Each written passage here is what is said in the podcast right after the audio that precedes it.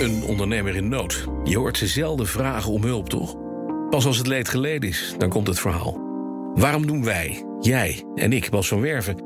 en met ons vele Nederlanders daar nou toch zo kampachtig over? Waarom mag je als ondernemer alleen maar succesvol zijn... en eens een keer goed omvallen, taboe? Ik weet nog die meeting, daarna kwam ik thuis en ik viel op bed... en ik heb een half uur met mijn hoofd op mijn kussen gelegen... verdomme een paar keer in het kussen gestompt van... eh, waarom ben ik nou zo'n sukkel dat ik gefaald heb. Ik laat je graag luisteren naar een gesprek dat ik had met Arthur Tolsma... aan zijn keukentafel, die wel op hele jonge leeftijd harde lessen leerde... en daar vervolgens een werk van maakte. Ik ontmoet hem op een zonnige dag in Utrecht... waar we samen gezellig achter een glas water zitten. Een gewild spreker, een bedrijfsadviseur... Wat dat ben je nu? Eh, ooit gedacht dat het zo zou lopen? Nee, niet toen ik eh, begon eh, met ondernemen elf jaar geleden. Dus eh, nee. Nee, het, het- het heeft een hele andere wending genomen. Laten we beginnen naar het, even bij het begin van het ondernemerschap elf jaar geleden. Het begon, heb ik begrepen, met een telefoontje. Terwijl je ook iemand, eh, ja, was iemand aan het bellen en je kreeg een lijn van de andere kant. Ja, en ik was in gesprek met iemand, face-to-face. En eh, het was een belangrijk gesprek, dus ik moest mijn aandacht erbij houden en aandachtig luisteren. Tegelijkertijd werd ik gebeld en toen keek ik met een half oog op mijn telefoon. En ik zag, oeh, dat is belangrijk, die moet ik echt opnemen. Ja. En toen dacht ik, ja, nee, ik kan niet opnemen, dat is onbeleefd. Maar ik kan hem ook niet wegdrukken, dat is ook onbeleefd. Dus het resultaat was natuurlijk dat ik in twijfel was en, en, en, en, en niet goed luisterde. En ook niet opnam, dus beide eh, ontevreden. En toen dacht ik, nou, dit moet beter kunnen. Iets met je voicemail wat het positiever maakt om iemand weg te drukken. Een, een persoonlijke voicemail. Wat dat bedacht je? Ja, klopt. En dat betekent dat als mijn, bijvoorbeeld mijn toenmalige investeerder mij belde, dan krijgt hij geen standaardbegroeting, maar dan kreeg hij: Hoi Tobias, leuk dat je belt, maar ik ben even druk het ondernemen. Ja, helemaal als- gepersonaliseerd. Jouw telefoon of je voicemailbox weet wie jou op dat moment belt. Ja, aan de hand van nummerherkenning speelt hij eigenlijk het juiste mp3'tje af. Ja, dat is mooi. En dat, dat klikte op dat moment meteen dat je dat gesprek had en die telefoon had en dacht van, dat is hem. Nee, nee, dit was, eh, de- dit was, dit was zelfs twaalf jaar geleden. En toen had ik daar eens over. Ik was nog student toen en ik had het Ja. over met vrienden. En we dachten, ja, dat is best wel moeilijk. Dus eh heb ik toch niks mee gedaan. En pas een half jaar later, toen, eh, toen ik zelf wat meer had rondgelopen bij de incubator Yes Delft. En toen dacht ik van, ja, dit wil ik ook. Had ik mijn boekje met goede ideeën erbij gepakt. En daar stond dit idee in. En toen dacht ik, nou, dan, dan moet ik daarmee aan de slag. Ja, want je hebt een technische achtergrond. Je hebt aan TU Delft gestudeerd. Ja, de, de- half technisch. Ik heb technische bestuurskunde gedaan. Ja, ja, dus precies. ik ben vooral een beetje de, de stap tussen de techneuten en, eh, en de rest van de wereld. Juist. En dat zijn techneuten die kunnen praten. Zeg Ja, altijd. ja, precies, ja. Ehm, op pak je dat dan op. Eh, dan is het verhaal van hoe komt dan zo'n idee tot volle wasdom. Dan moet je het idee gaan vertellen. Je moet mensen om je heen verzamelen. En dan begint het eigenlijk ondernemen. Hè? Ja, nou, heel lang dachten we dat het eh, vooral ging om een mooi product bouwen. Want eh, je hoort vaak een goed product ver- verkoopt zichzelf. Ja. Dus eh, ik had twee kampioens gevonden die eh, software engineering studeerden. Dus, eh, en die waren al bijna klaar ook. Dus daar konden we mooi mee aan de slag. Ja. Ehm, en ook toen we alle drie helemaal klaar waren, konden we fulltime een mooi product bouwen. En dat hebben we ook gedaan. Ja, heel mooi product. Ja. Met name heel mooi. Want dat, dat benoem je niet voor niks. Nee. Daar heb je van tevoren gekeken naar markt en marktwerking van het idee. Dat hebben we wel gedaan. Hebben we wel gedaan. Hebben we, maar dat was toch vooral meer een, ehm, ja, een papieren activiteit. Mhm. Zoals eh, eh, wat marktonderzoek doen en uitzoeken. En toch eigenlijk te weinig praten met de mensen zelf. Want eh, we hebben bijvoorbeeld ook al met telecomoperators gepraat uiteindelijk. En daar was ook wel interesse was daar. Alleen we begrepen toch nog niet helemaal wat zij nou precies werkte. Hoe zij dachten. Dus dat hadden we eigenlijk... eh ja.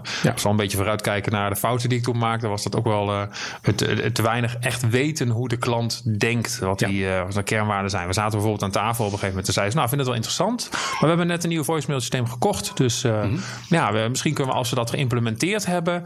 eh, over zes maanden, dan kunnen we verder praten. En ik Ja. dacht, ja joh, dat, zes maanden heb ik toch geen tijd Hallo, voor. waar tijd voor. We moeten nu. Precies, Ja. maar dat is hoe een telecomoperator werkt. Ja.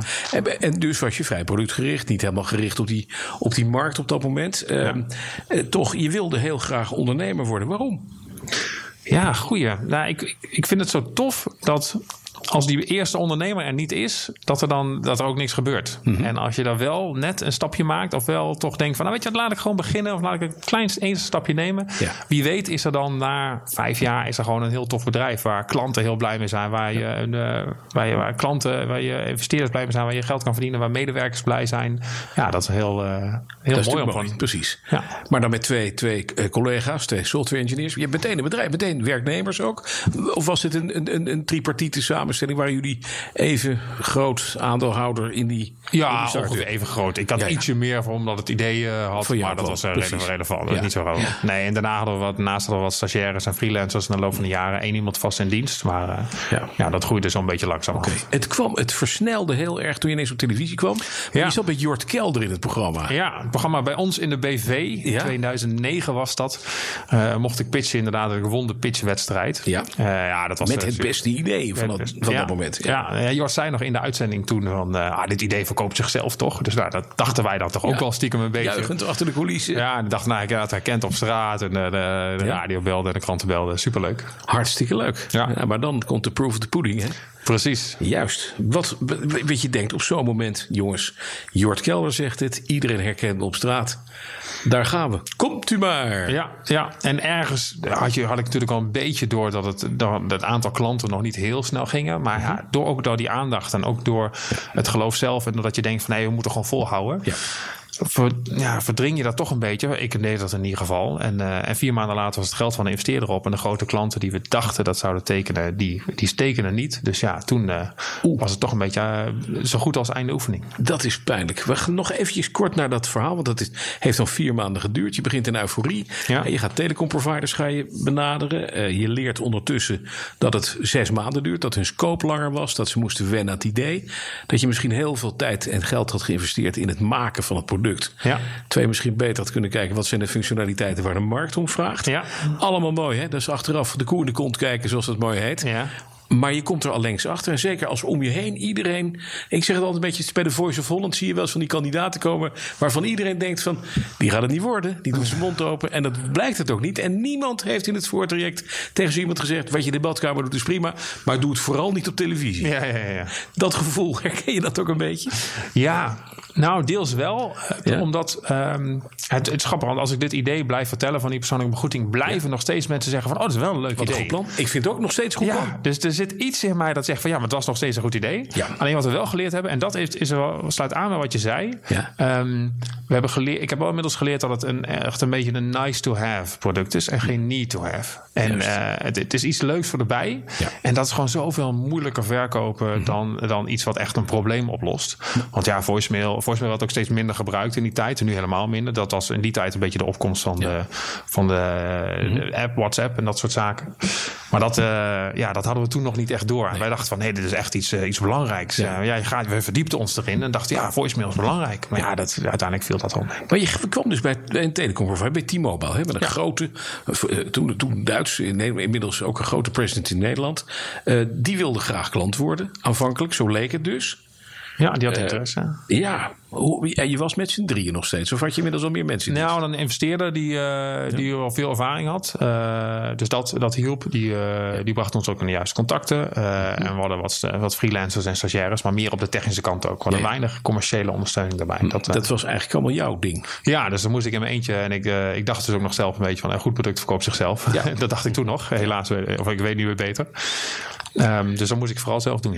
En die investeerder, wat, wat had je daar aan? Wat kwam hij brengen behalve alleen geld en, en wat goede contacten? Coachte die die ook? Ja, en eh, daar heb ik veel van geleerd. Ja. Dat was mooi. Tobias Walraven was dat. Hij heeft eh 25 jaar geleden SNT opgericht. Van een callcenter van een paar personen naar het grootste callcenter van Europa. Met 12.000 medewerkers. Dus hij kende de telecombranche goed. Hij was heel goed in zaken doen op hoog niveau. Ja. Alleen dat was wel interessant. Hij, hij was gewoon 20 jaar verder qua saleservaring dan ik was.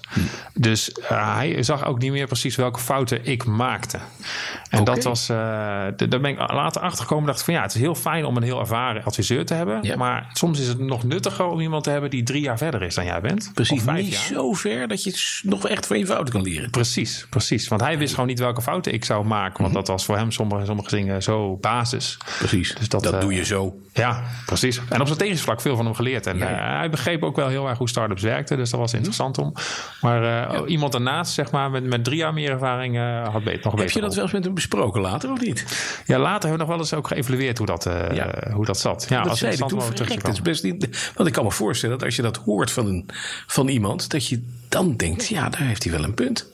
Ja, ja we hebben vooral ook, uh, hij zei ook wel eens, dat is grappig, um, dat, ik, dat ik zelf ook wel eens dan nu de kennis heb die ik toen eigenlijk nodig zou hebben, inderdaad. Ja. Dus ja, dan kom je daar een beetje op. Net te laat ja, is dat. Het is net te laat, ja, helaas. Dat is wel jammer, ja. Maar ja, ja, zo is het leven. En na vier maanden, ja, en ook, wat had je meer contacten dan alleen T-Mobile? Was het echt gewoon... Nee, met KPN ook uh, vooral wat meer gesproken, met T-Mobile ook. En, uh, en ook wel wat individuele klanten, want we konden ook gewoon aan individuen verkopen. Ja. En konden mensen zelf een, dat instellen. En dat was toch iets complexer technisch gezien. Ja. Dus we hadden ook wel wat klanten en gebruikers. Alleen het heeft gewoon nooit heel erg grote impact nee. gemaakt. Wat zonde. En na vier maanden moet je naar trok Walraven de stekker eruit. Nou, zelf. Uh, ja, het, het, geld wat hij daar geïnvesteerd had, was, uh, was voorbij. Vier maanden na die pitch. Hè. Dus we waren inmiddels al 2,5 jaar bezig. Of bijna drie jaar bezig. Ja.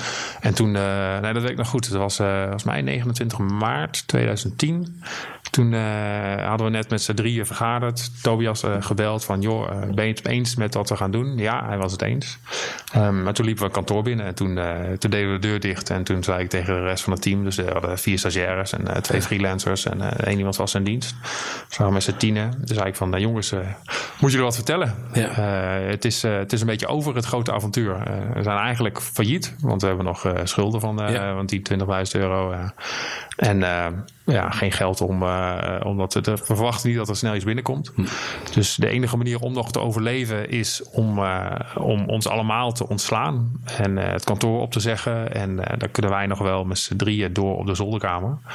Maar ja, die, die, die, die, die krantartikelen die hier aan de muur hangen van het kantoor, die, die onze grote toekomst voorspelden dat, dat gaat hem, vrezen wij, niet worden. Wat een moeilijke boodschap. Ja, ja dat was wel. Uh, Hoe lang heb je erover gedaan om je daarop voor te bereiden? Ja, goeie. Ja, we voelden het ergens wel aankomen. Dus die laatste week hadden we wel het idee van shit, we nog één week. Hm. En toen op dat moment, toen, uh, ja, dan gaat het opeens toch snel. Zoiets. Uh, ja, ik dacht ook van als ondernemer moet je hoop hebben altijd. En ja, je moet altijd positief denken. Doorgaan. Precies. Dus ik geloofde er altijd nog in. Ja. Maar op een gegeven moment dan, uh, en we waren ook gewoon moe en waren bezig. Uh, maar vooral toen na afloop, toen, uh, toen was ik kapot. En ik weet nog, die meeting, daarna kwam ik thuis en ik viel op bed. En ik heb een half uur met mijn hoofd op mijn kussen gelegen. verdomme, een paar keer in het kussen gestompt van waarom ben ik nou zo'n sukkel dat ik gefaald heb. Want die ondernemers om me heen, die doen het allemaal hartstikke goed. Persoonlijk falen, zo voelde dat? Ja. Jij hebt gefaald? Ja, de, de, de saleskant en de marketing was ja. mijn verantwoordelijkheid. Ja. Dus zo, zo voelde dat wel. Wat pijnlijk. Dat is ook heel moeilijk, omdat voor jezelf. En misschien is het helemaal niet terecht, maar je voelt het op dat moment wel. Ja, ja. Klopt. Wat zeiden die mensen? Want je loopt dat kantoor binnen. Die mensen hebben die krantenartikelen allemaal gezien. Die hebben de hoop. Die kijken naar die ondernemer. Van jongens, dit gaat hem worden. Ja. En daar komt deze boodschap. Hoe, hoe werd dat ontvangen? Ja, sommigen die hadden het wel een beetje wel gevoeld. Ze zagen ons natuurlijk ook wel iets, uh, iets grotere wallen binnenlopen telkens uh, op kantoor. Ja. Um, maar ook niet dat het zo erg was. We wilden dat ook verbergen voor hun. En dat had ik zelf ook. Van nou ja, ik ben ondernemer. Ik heb voor het risico gekozen. Uh, jullie niet. Dus ik wilde dat verbergen voor hun. En wat ze wel heel fijn vonden. En dat was ook het enige wat we konden geven. Want we hadden echt geen geld meer. Maar openheid van alles. En eerlijk vertellen wat ze deden. En dat vonden ze heel fijn dat we. En interessant ook dat we dat, precies, dat, we dat deelden. Pure transparantie. Alles vertellen. Ja, gooi dan de shit maar op tafel. Ja, en toen, en toen snapten ze ook dat en dat was Tobias trouwens ook als investeerder. Die zei ook van jongens, ik zie dat jullie er alles aan gedaan hebben. Dit hoort er af en toe bij. Uh, no hard feelings, klaar. Ja, precies. dit hoort er af en toe bij. Dat is mooi. Dat is ook iemand die met 25 jaar ervaring dat roept. Maar ja, je hebt zelf inderdaad op je kussen gestond en een paar keer GVD geroepen. Hmm. Heb je op zo'n moment een kruisje op je voorhoofd van ik ben failliet gegaan? Voor je gevoel? Voor mijn gevoel meer dan in de werkelijkheid. Ja. Dat is al, uh, dat is, zo is het eigenlijk wel. Want ik voelde mezelf heel erg gefaald, alsof ik ook niks meer kon. Mm -hmm. Dus ik, mijn zelfvertrouwen was heel laag en mijn energieniveau ook. Uh, dat ja. heeft natuurlijk met elkaar te maken. Uh, mijn bankrekening ook. dus ik kon ook niet op vakantie, terwijl ik dat wel wilde. Mm -hmm. en, dus moest ik gaan werken. Dat ging gelukkig heel snel. Ik kreeg snel een, een baantje en wat klusjes als freelancer. Dus dat ging gelukkig heel snel. Mm Maar je zit dan in een visuele cirkel waar het heel moeilijk is om uit te komen. En dat heeft wel eigenlijk, eigenlijk uiteindelijk wel twee jaar geduurd. Hoe voelt het omveld dat? Want je hebt naast uh, collega's die je hebt moeten ontslaan en je twee uh, medefirmanten, uh, je investeerder, zijn er ook nog je vrienden, je vriendin, ja. je familie.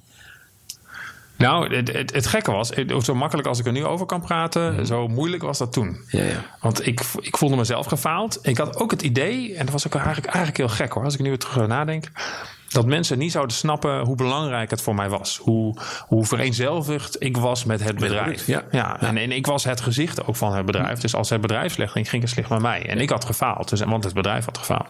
Dus ik kon zelfs ook mijn, eh, mijn familie en mijn, mijn vriendin en een paar vrienden... heb ik eh, te weinig verteld hoe heftig het voor me was. Ja.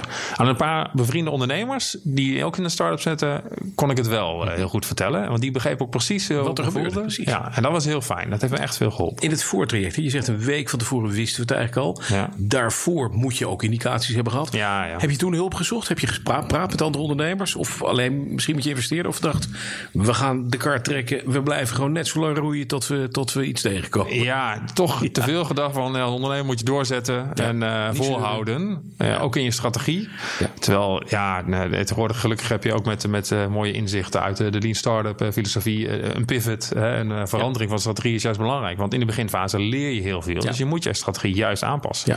En dat durfde ik eh, toen nog niet. Want ik dacht, ondernemen moet vasthoudend zijn en eigenwijs. Maar dat... eh, nee. Dat is, dat is door schade en schande wijs worden. We gaan, we gaan even, het moet niet een, een, dit verhaal gaat niet alleen over falen, helemaal niet. Want Mhm. Je bent door dat hele diepe dal heen gegaan, wat een heel diep dal was. eh, en door schade en schande wijzer geworden. Nou was het personeel weg, maar je komt door. Hè? Je hebt een doorstart gemaakt. Ja, klopt. En wat het voordeel was, omdat we onze diensten we hadden we in de cloud gezet. Eh, dus onze voicemaildienst ja, had ook weinig investering nodig, ook weinig mankracht. kon eigenlijk gewoon draaien. gewoon, Ja.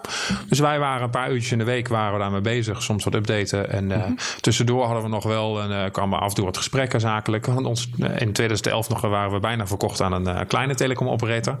Eh 6G Mobile, die, die bood nog een paar ton. Nou ja, prima. Ja, dat, Ja, was, dat was echt een wat. mooie Ja. exit geweest. Daar hadden we heel blij mee geweest. Alleen die ging uiteindelijk zelf nog eh, weer failliet. Dat was helemaal eh, door de financiële crisis een, eh, een bijzonder verhaal. Zeg maar, een soort van de euro bleef. Omdat we echt weer er de zin in hadden. Ja. En het toch niet. Nee, dat was jammer.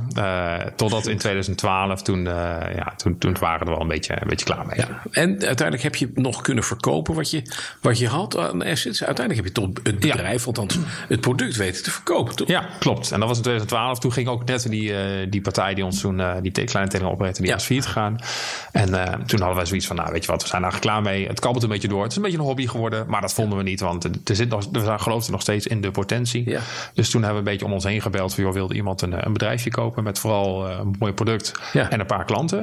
En dat was eigenlijk best wel wat interesse. Viel me niet tegen. Ehm, en toen hebben we nog verkocht voor ja, een beetje geld. De-. Als je kijkt wat ik eraan geïnvesteerd heb of aan gemiste inkomsten, is het wel een ton geweest ongeveer.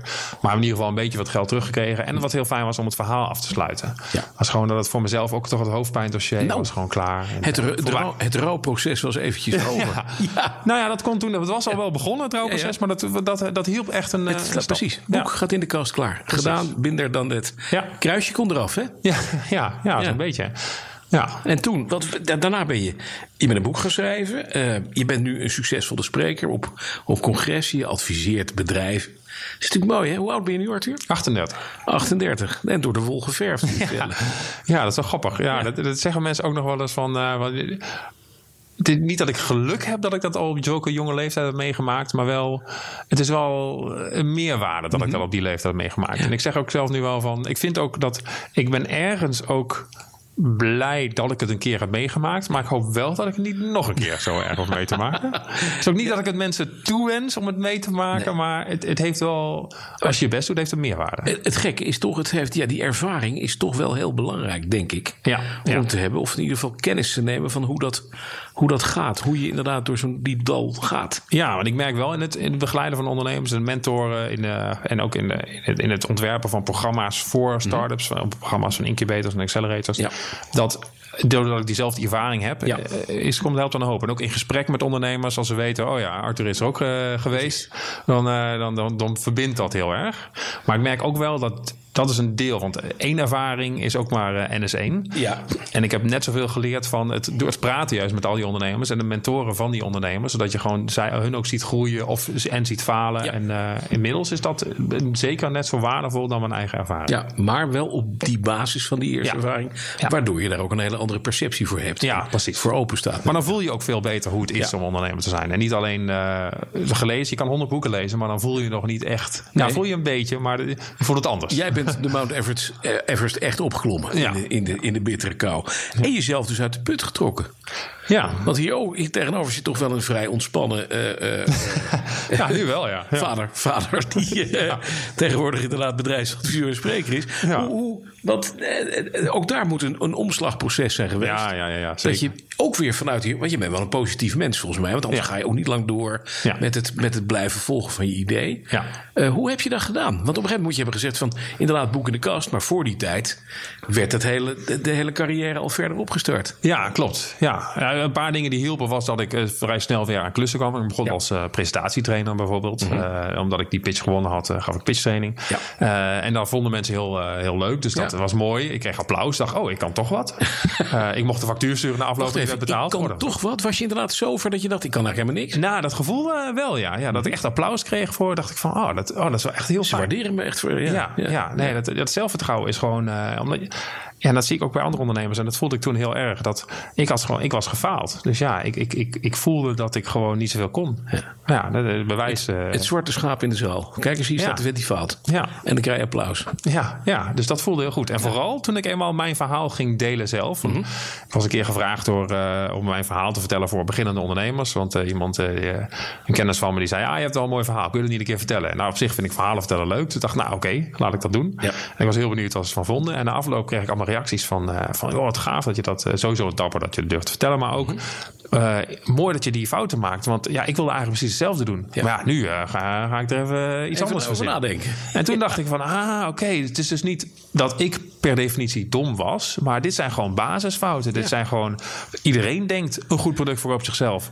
En nu ben ik erachter gekomen dat dat niet zo is. Ah, dat als ik dat verhaal vertel, is het dus ook waardevol voor andere mensen. En dat, dat hielp ook heel erg dat ik dus niet de, die ene domme idioot ben, maar dat het er gewoon... eh, heel veel meer domme idioten. Ja, het mooiste is als die elkaar gaan helpen. Nou, ja.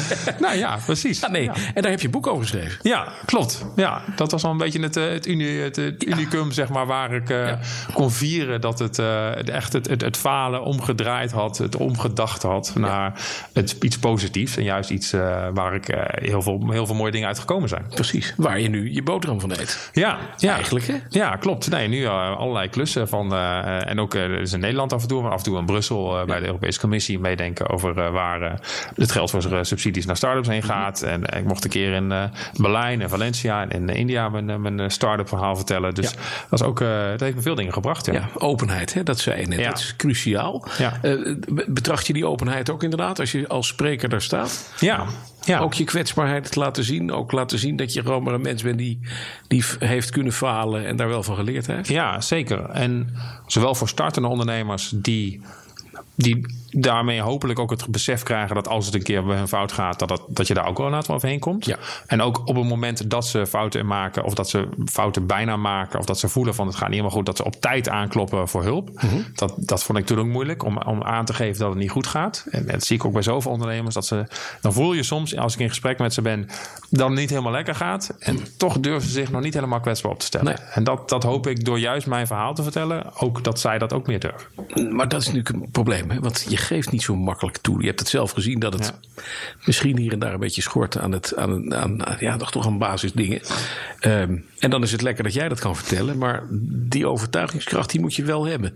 Wordt er dan ook echt geluisterd? Komen ze achteraf naar je toe en zeggen: Jeetje, wel goed. En we kennen in Amerika ook heel even een andere stap, die fuck-up nights. He, daar wordt gewoon ja, ja, gevierd dat er dingen verkeerd gaan. En daar leren mensen ook van elkaar. Dat is ook niet zo erg. En de Anglo-Saxische landen, daar is dat kruisje snel weg, want het wordt een mooi rondje. Want je hebt het een keer gedaan, het is een keer mislukt en klaar. Daar leer je alleen maar van. Die cultuur hier, dat, dat Calvinistische, dat helpt natuurlijk niet, hè? Nee, klopt. Het is wel, het is een beetje aan het veranderen, mm -hmm. uh, maar stapje voor stapje. Dus daar zijn we nog lang niet. Maar nou, die fuck-up nights zijn hier ook best wel populair. Die beginnen te komen. Ja, allerlei. Maar alleen maar onder de jeugd. Hè? Die grijze koppen, die zie je niet volgens mij. nee, het is wel. Uh, en wat ook wel heel grappig is, het ja. blijft moeilijk. Ik gaf een keer een lezing en er was ook de leeftijd wel iets ouder hoor. Dat scheelt mm -hmm. misschien, misschien ook wel, ja, het is wel waar. Toen, uh, toen vertelde ik dus heel open en kwetsbaar mijn verhaal. En toen vroeg de dagvoorzitter vroeg na afloop: heeft iemand in de zaal misschien ook zoiets meegemaakt en dat hij daar iets over wil zeggen? Nul vingers. Ja. En na aflopen bij de borrel kwamen er wel uh, ja, mensen naar me toe. En die zeiden van, ja, ik heb ook wel meegemaakt. Ja, dat, ja, dat ga je in de zaal te vertellen. Precies, nou, Dat dat, is het, hè? precies. Ja. Dan denk ik van, joh, ik heb het net... Heb, Ja, Ja, hoe maar goed. Ja, doe dat. Gooi het nou eens open. Ja, dat, ik bedoel, we zijn er om te leren van met z'n allen. En ja. ja, juist als je kwetsbaarheid toont, dan toont dat ook heel veel kracht. Ja. Dat je dat kan. Maar goed, dat, dat, dat krijgen steeds meer mensen door. Ja. En er worden steeds meer activiteiten over georganiseerd. Die Fuck Up Night hier ook. Steeds meer aandacht voor. Dus dat, uh, maar dat mag nog wel een, uh, nog meer gebeuren. Ja, precies. Nog even naar het persoonlijke. Want het gaat je goed inmiddels. Hè. Je woont hier. We zitten in een, in een prachtige flat in Utrecht. met alles drop en dran. Uh, je bent vader inmiddels. Mm -hmm. Van één of twee kindertjes? Eén, één. Eén, één ja, kind, ja. mooi zo. En die mag, mag die ondernemer worden, of zij? Later? Ja hoor, zeker. Ja. ik zal er wel wat, uh, nou ja, je moet oppassen dat je je kinderen niet te veel uh, mm -hmm. stuurt misschien. Maar ik zal er wel wat bagage meegeven voordat ze wil beginnen. Maar, uh, maar heb je de tijden gekend van uiteindelijk na dit hele avontuur maandenlang, niet met vakantie zei je al, maandenlang uit één pot pindakaas schrapen? Was ja. het zo erg? Ja, de eerste maanden wel, ja. En ja. Uh, ja, een heel praktisch voorbeeld was bijvoorbeeld dat mijn, mijn gewone schoenen waren kapot. Dus ik had alleen nog maar mijn nette schoenen. Ja. Uh, dus iedere ochtend trok ik mijn nette schoenen aan. En ik dacht van ja, god, ik heb niet eens tijd om uh, nieuwe schoenen te kopen. dus dat was wel... dat was dat geen tijd of geen geld? Ja, geen geld, ja, sorry. Ja, Nee, dat was echt... dat had ik gewoon geen geld voor om dat, om dat te doen. En Wat? dat was wel... en ik heb ook bijvoorbeeld mijn, mijn huursubsidie. Die heb ik toch nog iets langer dan officieel mogelijk was door laten lopen, ongeveer anderhalf jaar. Okay, heel uh, dat, uh, dat hielp heel erg goed. en net daarna allemaal netjes terugbetaald hoor. En dat, uh, dat is heel fijn dat dat nu gewoon, dat maakt ook makkelijk nog. Nou, ja, dat, na een jaar of twee kon ik er ook makkelijk over praten, omdat dat gewoon beter weer op orde was. En ik financieel gewoon het allemaal wat soepeler ging. Dus dat, maar dat is ook pijnlijk. Jeetje, hè? Ja. gevierd aan die, van die krantenverhalen nog. Ja. Bij Jort Kelder, dit is het beste idee. En een paar maanden later kan je je schoenen niet meer betalen. Ja. Man, dat is echt wel even diep gaan. Zeg. Ja, dat was. Uh, ja. Ja, nou ja, dat, dat, daar denk ik niet, uh, niet graag aan terug. Nee, nee, nee, begrijp ik. Je hebt ook goede adviezen van je vader gekregen later, begreep ik? Nou ja, ja en niet. Ja, ja, dat was, wel, was dat een ondernemer? Schets eens wat. Ja, hij was, uh, hij was advocaat, uh, praktijk ook. Um, maar ook weer, ja, dat, dat vond ik zo interessant. Wat ik zelf heb geprobeerd, heel erg. Door, toen ik dat meegemaakt had, dacht ik van oké, okay, wat, wat ga ik nu doen? Ja. Ik, ik kan negeren wat er gebeurd is en er nooit meer over praten. Wat, wat, wat veel mensen doen en wat, wat prima is. Alleen toen dacht ik, ja, dit is best wel heftig. Dus uh, waarschijnlijk komt dat over een paar jaar dan weer naar boven. Dan moet ik naar een psycholoog, kost allemaal geld en veel tijd en uh, moeite. Dus laat ik dan nu dan mee dealen. Ja. En uh, laat ik accepteren wat er gebeurd is. En dat, dat heeft geholpen. En later dacht ik, ja, het is nog mooier als ik dat misschien kan omarmen en echt kan aanpakken tot iets moois. En dat ja. heeft geleid tot dat boek en al die nieuwe, nieuwe carrière. Dus dat is heel leuk. Mm -hmm. En daardoor was het heel pijnlijk om te zien dat mijn vader dat juist niet kon. Want mijn vader die, die vond het heel moeilijk om, om te delen waar hij, wat hij was. Het heeft ook weer met die generatie te maken. Ja. Maar hij heeft eigenlijk nooit ook verteld wat zijn emoties waren. Dat kon hij niet. En toen een jaar of vier geleden zijn tweede vrouw van hem gescheiden is, toen kon hij daar niet mee omgaan. Hmm. Um, die emoties vond hij heel moeilijk om te delen. Ja. Hij, uh, hij heeft toen de, de, zijn hel gezocht in de drank. En Ach, daar is hij uh, vorig jaar uiteindelijk ook aan overleden. Ach, wat een mega naar verhaal. Ja, dat is sowieso al heel naar. En, en ook voor mij persoonlijk wel frustrerend. Want ik dacht van ja, god, ik probeer juist zeg maar naar het positief erin te staan. En ik, ik vond hem vroeger ook een positieve man. Hè? Eten, drinken en vrolijk zijn was zijn motto. Eten, drinken en vrolijk zijn. Nou, dat, dat drinken is hij toen in, in doorgeslagen helaas. Maar ook omdat hij gewoon niet kon, niet kon delen ja. wat er nou echt in hem omging. Ja. En dat herkende ik wel, want dat had ik vroeger ook. Ja. En uh, toen ik uh, middelbare school zat, nog veel meer. Uh, gelukkig heb ik daar ook later wat van geleerd.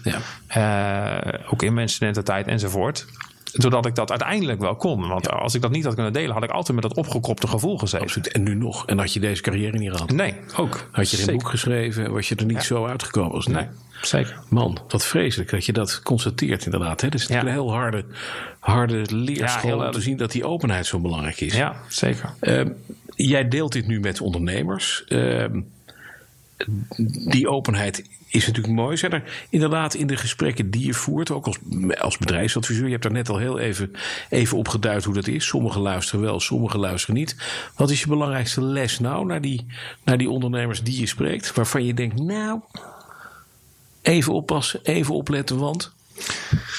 Ik denk toch, uh, een goed product verkoopt zichzelf. Oftewel, dat het dus niet waar is. Ja, precies. Want dat blijf je weer horen. Dat is, uh, en, en het is ook logisch. Want mensen horen over een goed product en denken... ah, dat verkoopt zichzelf. En dan, dan denk je dat ook. En ik zie zoveel mensen die vanuit passie en liefde een product maken. Omdat ze of de, de techniek goed kennen, vooral dat. Of ze zien een probleem en gaan ermee aan de slag.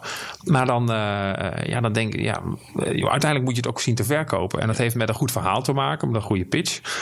Maar dat heeft ook met een goede strategie te maken. De juiste prijsstelling, de juiste distributie, de juiste kanalen. Even met op tijd te beginnen, sales. Um, maar ook inderdaad, ik zie ook nog heel veel mensen die, uh, waar je, die een idee hebben en dan op zoek naar een probleem.